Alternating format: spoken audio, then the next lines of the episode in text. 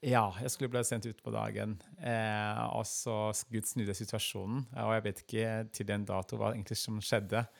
Eh, enn at Gud grep inn, For jeg fikk sånn profetisk ord før jeg skulle bli sendt ut, eh, mens politiet sto utenfor. Dette er Senderpodden, podkasten som gir deg inspirasjon til å leve med Jesus i hverdagen. Mitt navn er Karina Jacobsen.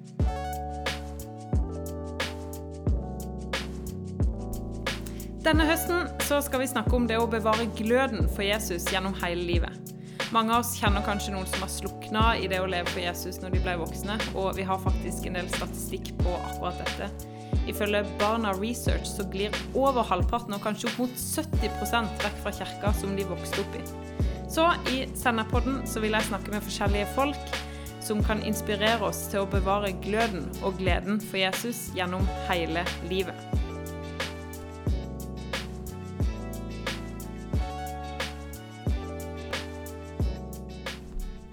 I dag skal du få høre historien til Jill Gatete. Og han er en kjent person i unge kristne miljø i Oslo. Han kom som flyktning fra Rwanda som 17-åring. Og de som kjenner han, de vil nok tenke på han som en sånn superglad kristen med glød og glede eh, hele tida. Men i dag så skal du få høre om hans kamper i livet. Åssen han fortsatt som 35-åring eh, har bevart den lidenskapen for Jesus. Seinere i podkasten så kommer navnet Maria Amelie opp, og det var den mest kjente personen i nyhetene for sånn ti år siden. Og Hva det har å gjøre med Jill, finner du ved å lytte til denne episoden. Med meg i studio i dag så har jeg en eh, bra mann. Det er Jill Gatete. Hjertelig velkommen. Tusen takk. Yes. Og vi sitter i de ega stue med kaffekoppen fylt opp og klar for å ha en god samtale. Ja. Eh, og for de som ikke kjenner deg, Jill, kan ikke du ta oss og si litt om hvem du er? Ja. Hvem er jeg? Du, jeg er eh, Gilles Gatete, som du sa. Eh, jeg er 35 år. Jeg bor i Oslo. Jeg er gift med Marte Gatete og har en sønn på snart syv måneder. Caleb heter han. Og um, jeg jobber som ingeniør i, eh, i Ski. Og er med å lede husmenighet sammen med Marte her i Kristens Fellesskap Oslo. Veldig bra. Vi kommer til å bli godt kjent med deg utover i samtalen. Og for de som ikke kjenner så mye med, så kommer dere nok til å bli godt kjent med meg utover høsten. Eh, men denne episoden så kommer vi til å snakke om eh, hvordan, eh, hvordan, vi kan være brennende kristne gjennom ulike faser. Og jeg vet at du også, Jill, har vært gjennom forskjellige ting eh, i livet. Og vi skal snakke litt om hvordan det ser ut i nettopp disse utfordrende tidene. Mm. Så det gleder jeg meg veldig til å høre, høre litt fra ditt liv. Eh, men først så har jeg lyst å bare høre litt fra, eh, om vitnesbyrdet ditt, hvordan du møtte Gud. Kan ikke du fortelle litt om det? Ja, det kan jeg. Eh, jeg er jo født oppvokst i Rwanda. Eh, jeg kom til Norge som 17-åring, eh, og det var to år før jeg møtte Jesus.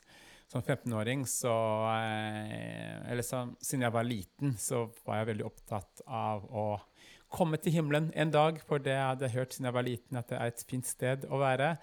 Men som 15-åring så mm, møtte jeg noen kristne som hjalp, meg å ta imot Jesus. Og jeg husker den kvelden så, den kvelden så ba jeg den eh, bønnen, ta imot Jesus-bønnen. Eh, og da skjønte jeg at ok, nå har jeg på en måte fått billetten til himmelen. Eh, og så gikk jeg ut og levde livet mitt som det var. Så det ble ingen forandring der og da. Eh, og så Senere ble jeg invitert til en konferanse der jeg virkelig skjønte hva det betyr å gi hjertet sitt og livet sitt til Jesus. Men det førte at jeg ba den bønnen og var i kirka og i menigheten, men jeg levde et dobbeltliv, for jeg skjønte liksom ikke at det valget jeg hadde tatt for å følge Jesus, hadde noe betydning for hvordan jeg levde ellers min hverdag. Ja. Eh, det tror jeg flere kan kjenne seg igjen i. Ja, så bra.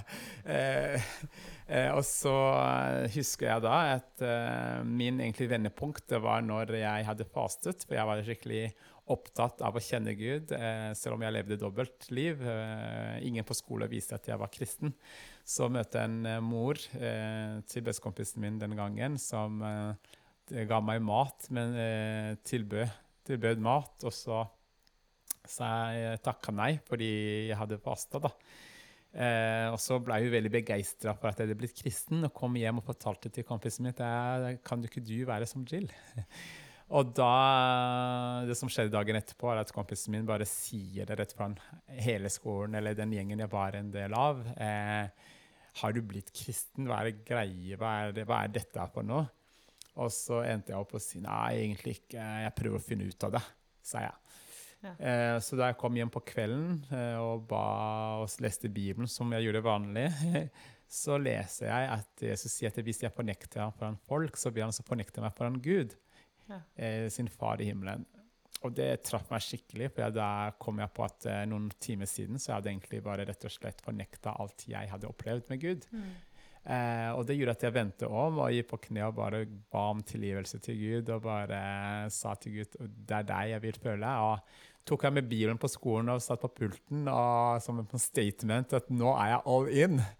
Um, så utrolig kult. Mm. Og det er jo noe med det der å sette ord på det og vise folk rundt en. Man kan si at liksom det er en privatsak, mm. men det er kanskje ikke sånn det ser ut. Det jo, ja, det hjelper veldig å bare ta statement, og ja. fra den dagen så eh, skjønte at ok, jeg må på en måte være all in, men jeg sleit med å, egentlig, å være all in, for jeg skjønte ikke det med disippelgjøring. For jeg hadde ingen som, måte, som kunne hjelpe meg til å forstå det. Så jeg, så jeg begynte ikke den disippelgjøringen før jeg kom til Norge to år seinere mm. eh, og møtte menigheten og begynte å lære å følge Jesus i alle mm. områder i livet. da. Ja, og vi mm. kommer til å snakke litt mer om For du er jo født og oppvokst i Rwanda, men kom til Norge ja. og har opplevd en del ting i forhold til det med oppholdstillatelse. Og det kommer vi til å komme tilbake igjen til litt eh, seinere. Men hvordan mm. var det for deg når du kom til Norge, da? Du, det var eh, helt eh, Det var to forskjellige verdener. da. Det var jo liksom å komme til Norge og med nytt språk og nye mennesker og sånne ting. Men, eh, men som 17-åring tror jeg så var det sånn spennende å liksom flytte hjemmefra, og selv om på en måte jeg ikke visste egentlig hva som ligger foran meg, men det var liksom, litt sånn spennende, egentlig, hvis jeg, kan, hvis jeg, tenker litt sånn på det. Mm. Hvordan var det i forhold til troa? Hvordan så den ut når du kom til Norge? Ja, du, eh, ja, som, jeg var jo på en måte brennende og hadde lyst til at jeg opplevde Gud. Og det jeg gjorde først, var jo eh, For jeg kom på asylmottak, og så spurte jeg folk der om de kunne hjelpe meg å finne en menighet. Og så ble jeg på en måte i en sånn eh, pinsemenighet på Ulefoss med gamle folk. Eh, gjennomsnitt å være sikkert 75 år. Men der sto jeg med hender opp i været og tilba Jesus og sånt, på et språk jeg ikke skjønte. Eh, men etter hvert så kom jeg i kontakt med Kristent Fellesskap i mm. Skien. Og der eh, vokste jeg skikkelig med Gud. Da får jeg møte folk som var overgitt til Gud. og og som hjalp meg, og som åpner hjertet sitt og hjemmene sine for meg. Og ja, der vokste jeg og lærte Gud å kjenne mer, da. Mm. Mm. Ja. Hva, hva, betyr det mest for deg eh, av det å komme til, inn i en menighet her i Norge? Var det noen ting som på en måte gjorde, gjorde det at du fikk bevart troa di her i Norge også? Ja, det er jo det må jeg si. Så menigheten Skien var sånn åpen, åpen og tok imot meg og tok imot oss som, er, som, bodde på asylmottak med åpne armer. Men spesielt så var det et par da, eh, som seinere kaller jeg fortsatt mamma og pappa. Eh, mm. Torfinn og Karin Myhre, som åpnet hjemmet sitt og inviterte meg inn. og virkelig tok vare på meg mm. og lærte meg å kjenne. Og, og, det var kanskje det som var mest interessant, eller som på en måte forandra mest meg. Det var kanskje ikke Eh, eh, det de forkynte, men på en måte å se livet deres. At ja. de var overgitt til Gud på alle områder. Mm. For jeg er så vant til Afrika på gode forkynnere og som er on fire. på en måte. Men det å se livet i praksis i hverdagen, det er det som var veldig sterkt for meg. Da, som gjorde at jeg hadde lyst til å følge Jesus enda mer. Fordi jeg så at uh, Jesus gjennomsyret hele livet. Pengene, tid og alt de drev med. da. Ja. Mm. Kult å høre. Og du berører mange ting som vi gjerne skulle ha prata mer om. Kanskje vi kommer inn på noe av det litt seinere. Eh, for de som ikke kjenner til Kristen Fellesskap, så er de en del av Kristen Nettverk, som da står bak sennep.net. Ja, eh, mm. ja. Eh, og så Nå er jo jeg heldig å ha fått kjenne deg i en god del år, Jill. Ja. Eh, men så er det jo en del folk som hører på som ikke kjenner deg. Og for de som kjenner Jill, så møter vi en sprudlende, alltid glad, alltid full av energi. Og det er sånn Du har alltid en sånn oppmuntring å komme til andre, så det virker som du bare har et sånn vanvittig lager hvor du bare liksom øser ut. eh, og det kan godt være du har en sånn ekstra energi og kilde. Yes, det har jeg. Eh, Men så, så vet jeg også at du har gått gjennom en del utfordrende perioder i livet ditt. Og det er ikke, ikke sikkert at alle har lagt merke til det, som kjenner deg, fordi at du alltid har den der eh, eh, smilende ansiktet som møter deg på en eh, skikkelig eh, god måte. Men kan ikke du fortelle litt mer om noen av de utfordrende tidene i livet ditt, når du kom til Norge og det ble utfordringer med dette med oppholdstillatelse? Ja, eh, det kan jeg. Em, så det som skjedde, er jo at eh, da jeg kom til Norge som 17-åring, eh, begynte jeg i menigheten som 18-åring. Og jeg husker faktisk å ha fått ord at eh, Gud sendte meg hit. Og da som eh, Når du får det sånn profetisk så tenker du bare så bra at jeg er på riktig sted, og at eh, nå skal liksom ting bare bli lett å komme i det Gud har for meg. Um, men så opplever jeg at gang på gang så får jeg avslag på oppholdstillatelsen. Eh, så jeg kom i, to, eh, i 2002, og, og så gikk det en del år da, eh, før jeg fikk endelig oppholdstillatelse i 2013. Så det gikk egentlig elleve år. Og i den perioden der var jo eh, utrolig tøft og veldig vanskelig. Ja. Eh, for jeg så, vei, jeg så ikke veien ut, og jeg eh, fikk flere avslag. Og, og, se at folk som ikke kjenner Gud, f.eks., eh, de fikk oppholdstillatelse og flytta ut og starta livene, livene sine, og du er samme sted, og du ser på det og lurer på om Gud tenker, hva Gud tenker, hva Gud eh, gjør, og lurer på liksom, hva er egentlig Gud som talte at han sendte meg hit. Um, så det var en veldig, veldig tøff tid. Men midt oppi det så fant jeg jo styrke hos Gud. Um, og jeg lærte vanvittig mye om å ja, og skjønne liksom at eh, ja, men troen blir sterkere når det blir prøvd, som det står i 1. Petter brev. Ja, et fint Eh. Ja, så, ja det, det var veldig viktig å finne eh, trygghet hos Gud og, og vite at Gud har meg i sine hender, og at Gud vet alt som, som, som skjer. Mm. Ja, så det var en veldig tøff tid. Um, ja, mange Ja, det var liksom eh, særlig som de siste to årene, på en måte, før jeg fikk oppholdstillatelse, i 2011, der liksom ja, hvor på en måte politiet kom og skulle kaste meg ut av landet. Og Ja. eh, opplevde at Gud eh, redda meg ut av det da. Eh, Mm. Stoppa og ble sendt ut. Jeg var i for en døgn, et døgn, Ja. og så Gud redda meg ut av det. Og ja, for da skulle du egentlig ha blitt sendt ut på dagen. ja, jeg skulle blitt sendt ut på dagen. Mm. Eh, og så Gud snudde situasjonen, og jeg vet ikke til den dato hva egentlig som skjedde. Ja. Eh, enn at Gud grep inn, fordi Mm. jeg fikk sånn profetisk ord før jeg skulle bli sendt ut, eh, mens politiet sto utenfor. Ja. Eh, at eh, Gud har sendt meg hit. Gud bekrefta det igjen, at Gud har sendt meg dit, hit for å, for å bety en forskjell her. da. Eh, men når du står i en situasjon, så lurer jeg på om det er Gud som taler, om det er bare gode ønsker Ja. fra folk. Eh, men opplevde at Gud eh, virkelig redda meg fra det. Men fra 2011 til 2013, det var jo veldig tøff tid hvor du Jeg var ungdomsleder eh, i menigheten, og ja, hvor jeg sto opp på morgenen og gråt framfor Gud og spør hva som skjer, til å tørke tårene og gå ut, møte ungdommer, Ja. oppmuntre, høre på deres utfordringer. Ja.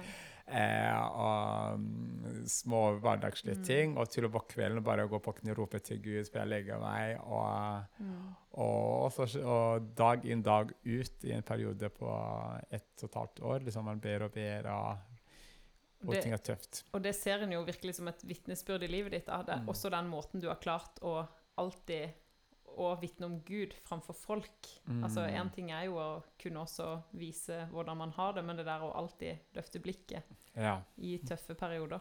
Mm. Men så endte det jo opp med at du måtte ut av landet til slutt. Ja, eh, det som skjedde da, var jo at eh, Jeg må si at Gud er en god Gud som eh, i den perioden, eh, særlig de siste to årene, det var jeg møtte bl.a. en god søsken eh, som bar skikkelig sånne bønnekjemper, og profetisk dame som, eh, i menigheten som eh, tok på seg det å OK, jeg skal bære deg i bønn, Jill. Jeg skal på en måte ta et ansvar der. Så, hun, så vi møtes uh, ofte ukentlig for å be, for å be ting igjennom. Og da Gud, Gud, Gud begynte å tale om at eh, nei, jeg kommer til å fri deg ut. Jeg kommer til å uh, til å, uh, til å se Hva skal jeg si Til å hva, Hvilket ord kan jeg bruke? Eh, du kommer til å komme, komme gjennom dette her. Ja. Eh, og det også hun hjelper meg å se Gud gjennom tøffe tid, gjennom bønn og rope til Gud. Eh, og da kom, så talte Gud da om at det var tid for å komme, meg, å komme ut. fordi det var, eh, når vi ba, så ba vi for at Gud skulle gi meg en mulighet, en vei, lage en vei Ja. for meg for å få oppholdstillatelse. Ja.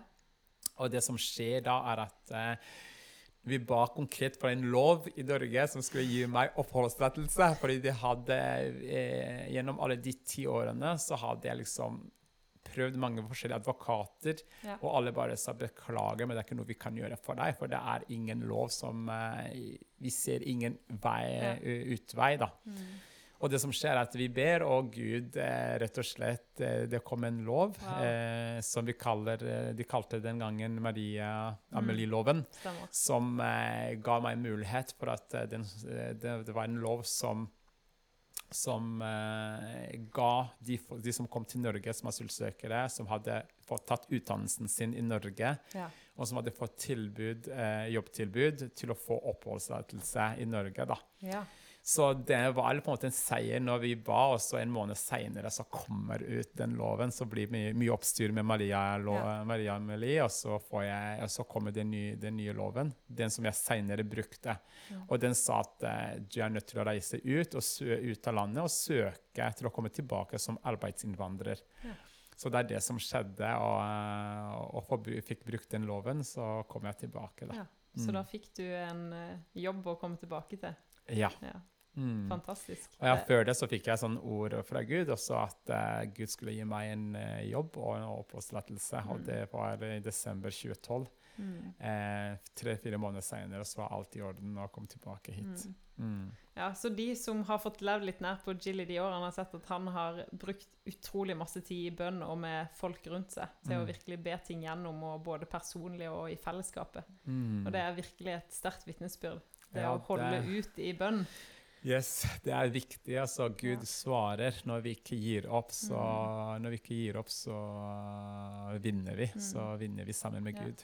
Mm. Og det er jo kanskje ikke alle som har opplevd akkurat det samme som det, men, eh, men det der med utfordrende sider, da, åssen en på en Mm. måte holder blikket festa, og det å tørre å holde fast på ting, eh, og at en kan be ting gjennom. mm. Eh, utrolig kult vitnesbyrd. Eh, og så er det jo sånn at det er kanskje mange nordmenn som har et ja, Kanskje noen har et distansert forhold til flyktninger og asylsøkere. Og kanskje ikke alle kjenner noen sjøl, men kun hører om ting i media. Og det er jo mye forskjellig som kommer fram, og det er jo et stort og omfattende spørsmål. Men eh, kan ikke du beskrive, som har gått gjennom det litt sjøl, kan ikke du beskrive litt om åssen folk har det i den prosessen? Ja, det kan jeg. jeg em, nå er jo snart eh, 15-17 år siden jeg kom til Norge, men Nesten Men- halve, halve livet. nesten halve livet mitt, Ja. faktisk. Eh, men det var jo en skikkelig tøff tid for mange, fordi de gikk ikke på skole, og de hadde ikke noe nettverk, og mange kanskje kom alene. Eh, så det var en skikkelig tøff tid for så mange. Eh, og selvfølgelig folk lærer å leve gjennom det. Eh, heldigvis så fikk jeg lov å gå på skole. Eh, Fordi jeg bare gikk og banka på døra til eh, studieleder i Bø og bare lurte på om jeg kunne være hospitant. Og så til slutt, til slutt så fikk jeg lov til det, og så ble jeg vanlig student etter hvert. Eh, det er det kanskje ikke alle som hadde gjort. Nei, sikkert ikke. Det er Gud Sier jo litt om din personlighet òg. ja, og fikk jeg plass. Og, ja, men eh, for så mange så var det på en måte livet handlet om å lage mat og spise og sove. Ja. Eh, men eh, all ære til menigheten Skien, eh, Kristelig Skien denne gangen, som virkelig sto, sto, på når vi kom i kontakt med de, og husker det var søndag, så de leide de to busser som kjørte inn eh, en halvtime unna i, på Ulefoss for å hente ja. folk. da. Eh, og folk i menigheten eh, ja, de sto opp tidlig og gikk, gikk og henta den bussen og kjørte de for å hente folk og tilbake. Ja. Og jeg var en del av det, og de åpnet opp eh, egentlig for så mange Jeg husker sånne multikulturelle kvelder hvor ja. eh, forskjellige land. Eh, forskjellige folk fra forskjellige land lagde mat. og vi, Det var en skikkelig fin tid. Eh, og mulighet for på en måte å komme i kontakt med, med norske, og så, så, komme i kontakt med Gud. da. Ja. Eh, og, og, det var en kjempemulighet som jeg ser tilbake til og bare tenker bare for en gode folk eh, ja. som gjorde en kjempeinnsats ja. den tiden. Ja, og det, jeg tror vi som kristne kan føle oss litt sånn utfordra av det. Mm. Det med å på en måte være med og møte nye eh, borgere av Norge. Kanskje ikke alle har oppholdstillatelse, men på en måte i en mm. sårbar periode av livet. Mm. Men hva vil du si til om kristne? Altså, har vi et uh, spesielt ansvar overfor asylsøkere og flyktninger som kommer til Norge? Mm. Jeg, jeg, som kristen tror, jeg tror at vi har det. Og det står i, i Gammeltestamentet at eh, da Gud sier til israelittene at uh, når uh, innvandrere kommer i deres land, så skal dere ta dem imot som deres egne, for dere også har vært flyktninger i Egypt. Ja. Eh, bare det gjør at eh, ser at Gud bryr seg om nye som kommer i et nytt land. Mm. Eh, og med, med, med, min personlige vitnesbyrd så er jeg så takknemlig for at eh, noen rakk, eh, rakk ut hånd eh, ja. til meg. og og, og hjelpe meg både å se Gud, men, men, også meg, ga meg et fellesskap, ga meg et nettverk, ga meg venner. Og, og den tiden i Skien er dyrebar for meg, og det har mm. betydd vanvittig mye. Det har betydd mye for meg. Mm. Og, så jeg tror at uh, folk må være frimodige. Og det er jo Menigheten i Skien uh, gikk i tro også, fordi det var, alt var ikke som bare sånn at for skinne, Altså de kunne leie bil, altså en buss, som, som jeg sa i stad, mener jeg. Og så møter ikke folk opp, og så reiser de tilbake med tre-fire.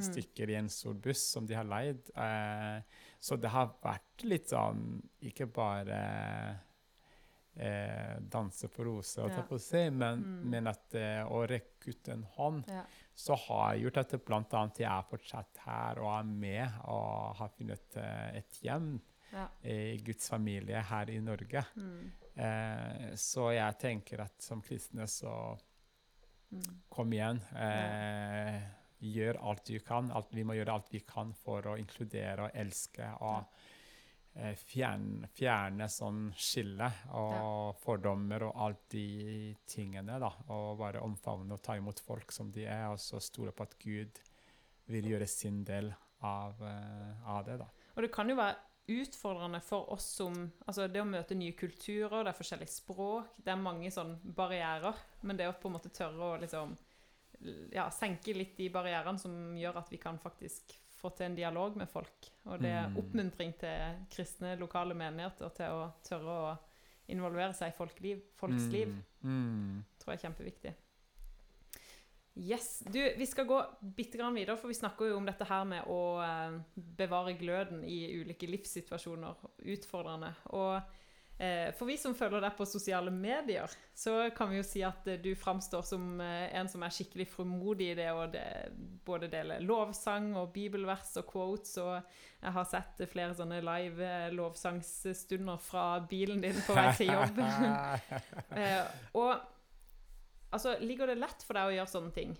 Eller kan du liksom kjenne på ja, reaksjoner til folk, eller um Nei, altså jeg tenker når, når, du har møtt Jesus, når du, når du har vært elleve år i Norge og prøvd å finne oppholdstillatelse, og få, på, få oppholdstillatelse, og du har prøvd alt mulig, og du bare vet at det er ingen vei ut, og du er håpløs, og det hjelper ikke å kjenne en politiker, det hjelper ikke. og det hjelper ingenting, du bare eneste håp er Gud. Og så kommer Gud og griper inn og forandrer situasjonen. Og, det, og nå har jeg ikke gått i detaljer på den vitnesbyrdet, hvordan ting har vært liksom pga. tid. Men, men, når du opplever at Gud kommer og snur livet ditt upside down, mm. eh, opp ned, så så for meg ble det sånn at å, jeg kjenner en Gud som kan gjøre livet ditt et fantastisk liv sammen med han. Eh, selv om du går gjennom utfordringer, så kom Gud snu situasjoner. Så har jeg sett Gud.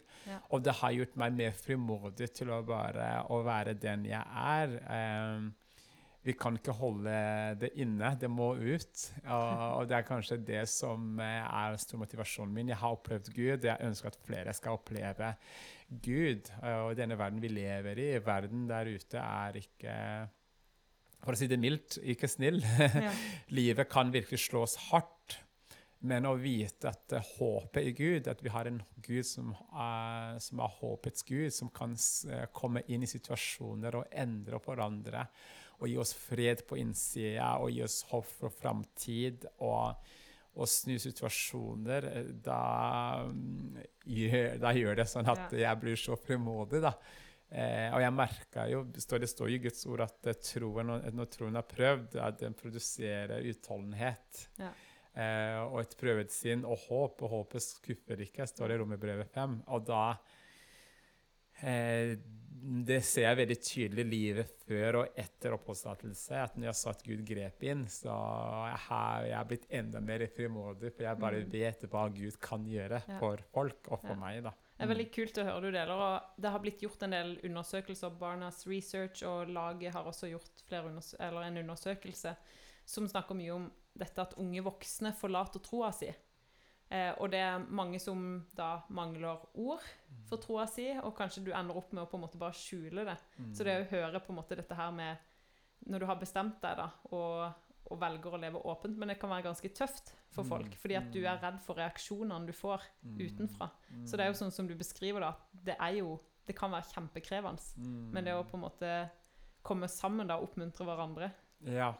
Mm. Og, jeg, og jeg har lyst til bare å si rundt det òg at eh, livet med Gud, eh, det må jo oppleves. Det er ikke sånn teori, ikke ja. sant? Og det, og det og og en av de tingene eh, som gjør at troen, troen, blir sterkere, er lidelse og utfordringer. Og mange av oss kanskje forlater troen når ting blir tøft, og tenker at er, det er ikke den Gud jeg har trodd på. Eh, hvorfor hvis Gud bryr seg for å gå gjennom tøffe ting? Og så er det egentlig en mulighet for dem å kunne oppleve Gud virkelig som griper inn i situasjonen. Ja.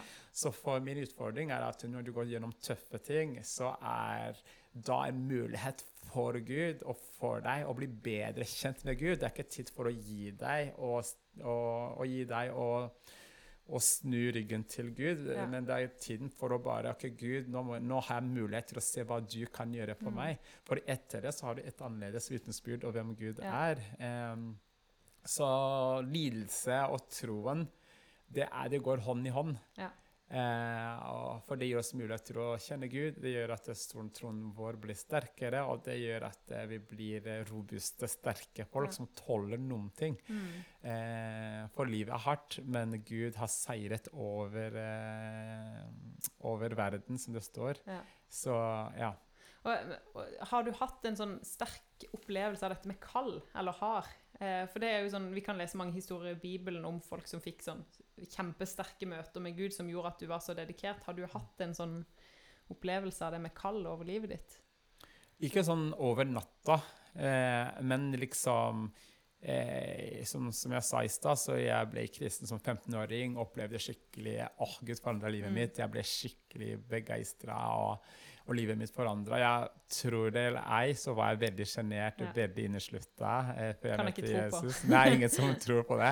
Men jeg var veldig sånn, men etter det så ble jeg veldig gira og, og høylytt og glad og sånt. Eh, men jeg hadde ikke noe sånn forståelse på kall før eh, egentlig det har gått gjennom årene. Når jeg, gikk, når jeg var i Skien, så var jeg bare at jeg gjorde det jeg Mm. så trengtes å gjøre. Ja. Eh, men så da med tiden at eh, folk, både åndelige foreldrene mine eh, og folk i menigheten som satte ord, mer, satt, mm, ord på Mm. det de opplevde bodde i meg, da. Ja, og jeg, jeg tror det, akkurat dette er veldig viktig, fordi mange venter kanskje på at du skal få en sånn supertydelig kall, men det der med at det er noe med den trofastheten og det å stå i ting, og så får en oppleve at oi, Gud han har kalt hver enkelt. Du må ikke ha en gigantisk hendelse som har skjedd i livet ditt for Yes. å få den kallsopplevelsen. Ja, det tror jeg. Eh, og så, vi har jo gått, Jeg har jo eh, hatt glede av å gått i menighet eh, med deg i, i flere år, både i Skien og i Oslo. Eh, og jeg husker i, i, Du nevnte litt om det i starten, dette med åndelige foreldre, eller noen som du fikk som du kalte mamma og pappa. Mm. Men kan ikke du si litt om, bare litt kort eh, mot slutten her nå, om betydninga av det med å ha åndelige foreldre i livet? Gjennom vanskelige tider. Ja, det er eh, Jeg tror at altså Bibelen sier at det er ikke godt for meg å være alene. Så jeg tror på en måte det med fellesskap og det å leve sammen er viktig. Eh, Men eh, det er, enda, men det er også viktig å ha noen som kanskje blir litt ekstra for deg, som du har tillit til, som kan være med og hjelpe deg og ha riktig perspektiv på ting. Og for meg så ble Torfinn og Karin sånn, eh, et sånt par som var tett på, som jeg kunne dele utfordringer, som jeg kunne gråte sammen med, som kunne hjelpe meg å forstå hensikten med ting, og hvordan Gud eh, er nær mitt utfordringer. Um, bare et kort eksempel. Jeg husker liksom første, En av de første tingene som det hjalp meg å se, var i en måte at å komme i et nytt land er ikke en, Selv om situasjonen i eget land ikke er så perfekt, Ja. eh, eh, hvor måte, Gud kan være i det, med eksempel med Josef som flykta fra Som ble kasta ut sant, og solgt av sine brødre, men som betydde noe enormt i Egypt, og hvordan Gud hadde sin hånd i det. Og hjelp meg på en måte å forstå at du er her, men du trenger liksom ikke å være mindre verdt, eller tenke at det, det er håpløst, eller tenke men ha riktig perspektiv, at Gud har kontroll, Gud sendte deg hit for en grunn. Vær frimodig, vær den du er. Ja. Det er en liten ting som på en måte hjelper meg å ha riktig perspektiv på ting. Da, og når ting var skikkelig tøft. og Jeg har pleid å si at det, i mange år eh, levde jeg på deres tro. Eh, når på en måte jeg følte at ok, jeg vet ikke om Gud er virkelig sendt meg hit, se hvor mange år som har gått, og jeg har ikke fått oppholdstillatelse ennå. Men så hadde de bare med Gud har sendt deg hit, og du er her, og vi står sammen. Ja. Bare det gjorde at eh, åh, takk, takk Gud for sånne folk da, som kunne stille opp dag og natt for meg og hjelpe meg til å kjenne Gud, til å bli disippelgjort. Ikke bare det. Jeg satt sånn tirsdager etter middag og satt med Torfinn og gikk gjennom Finn din plass og Bibel og bare stilte spørsmål og bare virkelig ble disippelgjort da, for å ha riktig sånn stødig tro i Gud. Det er kjempebra å høre, og jeg, jeg tror jo at dette her er noe utrolig gull i det Mm. livet med Gud og fellesskap. Og så Mm. er det kanskje mange som hører på som nødvendigvis ikke har de, de folkene som du snakker om rundt seg. Mm. Men det er også å oppmuntre folk til å ikke, ikke la deg stoppe av det. At ikke, Mm. Det er ikke alltid en har de folkene rundt seg, men det er jo å huske på at vi sjøl òg kan være med og bety noe for andre. Mm. Så det er jo på en måte å tenke at eh, det er ikke alltid vi har alt, vi, alt helt perfekt, eller alt det vi trenger, men det at vi òg kan få være med og bety noe for, for andre, både unge og eldre. Mm. Så det er kjempeviktige ting. Og jeg merker at når du begynner å snakke om det, vi kunne ha lagd en ny podkast om det der med åndelige foreldre og det med å ja. være der for hverandre i fellesskapet. Men Ja. vi skal gå mot en avslutning, for Ja. tida den går. Mm. Eh, men jeg har lyst til at vi bare skal avslutningsvis snakke litt om eh, Egentlig litt for å bare se hvordan ser livet ditt, ditt ut nå. Du Mm. har eh, stått som ungdomsleder i mange år. Du har eh, gifta deg, fått deg en liten sønn. Eh, livet har forandra seg. Kan du bare si litt om på en måte hvordan troa ser ut for deg nå, midt i hektisk eh, familieliv og den fasen du er i nå? Ja, du, jeg, hva skal jeg si Det er fantastisk. Sikkert mye, mye å si om det òg. Det er veldig mye å si om det, men det som jeg kan si midt oppi det, er at uh, i det at jeg har historier med Gud om tøffe tid, Ja. det gjør at livet blir enklere når jeg eh, ikke kanskje ser veien ut. Og det, de som er gift, vet jo at det er så mye man lærer som nygift, og plutselig møter deg sjøl i døra og bare Oi, jeg trodde jeg var hellig, men nå er jeg kanskje ikke det så allikevel som jeg trodde jeg var. Og det å finne, å finne, å finne tid til å søke Gud, og til å bli forandra av Gud, og til å ta, eh, ta, vare på kone, og til å ta vare på barn, og til å tjene Gud midt oppi det, lede en husmenighet, det er en eh, det er en ny type utfordringer, men historien er det samme. Gud er nær, og Gud er en hverdagsgud. Og Gud som var trofast da, når ting var tøft, er trofast i dag.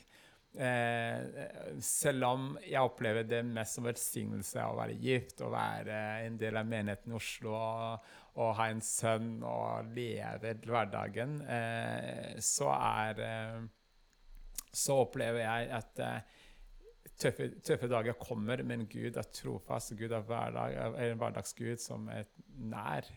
Ja. Ja.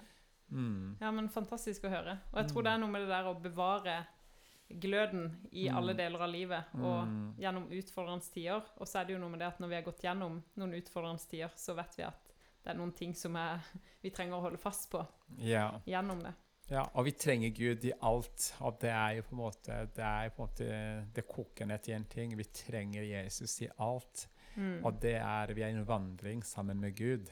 Ja. Eh, og den vandringen tar ikke slutt før vi møter Jesus en dag, så vi må bare leve hverdagen med Gud. Eh, mm. eh, og med det så skal vi runde av for denne gang. Mm. Eh, følg med på sennep.net. Der ligger det masse gode artikler og podkast. Og så kommer det til å komme mange nye episoder med Sennep-podden utover høsten om det å bevare gløden gjennom alle deler av livet, utfordrende tider og ting en står i. Så takk for at uh, du var med meg i dag, Jill. Tusen takk for at du inviterte. Det er veldig, veldig hyggelig. Ja.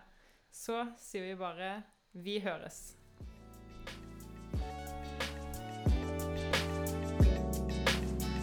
Takk for at du hører på Senderpodden. Hvis du vil ha mer stoff som dette, så sjekk ut sennep.nett. Og følg oss gjerne på Facebook, Instagram og den podkast-appen som du bruker. Mitt navn er Karina Jacobsen.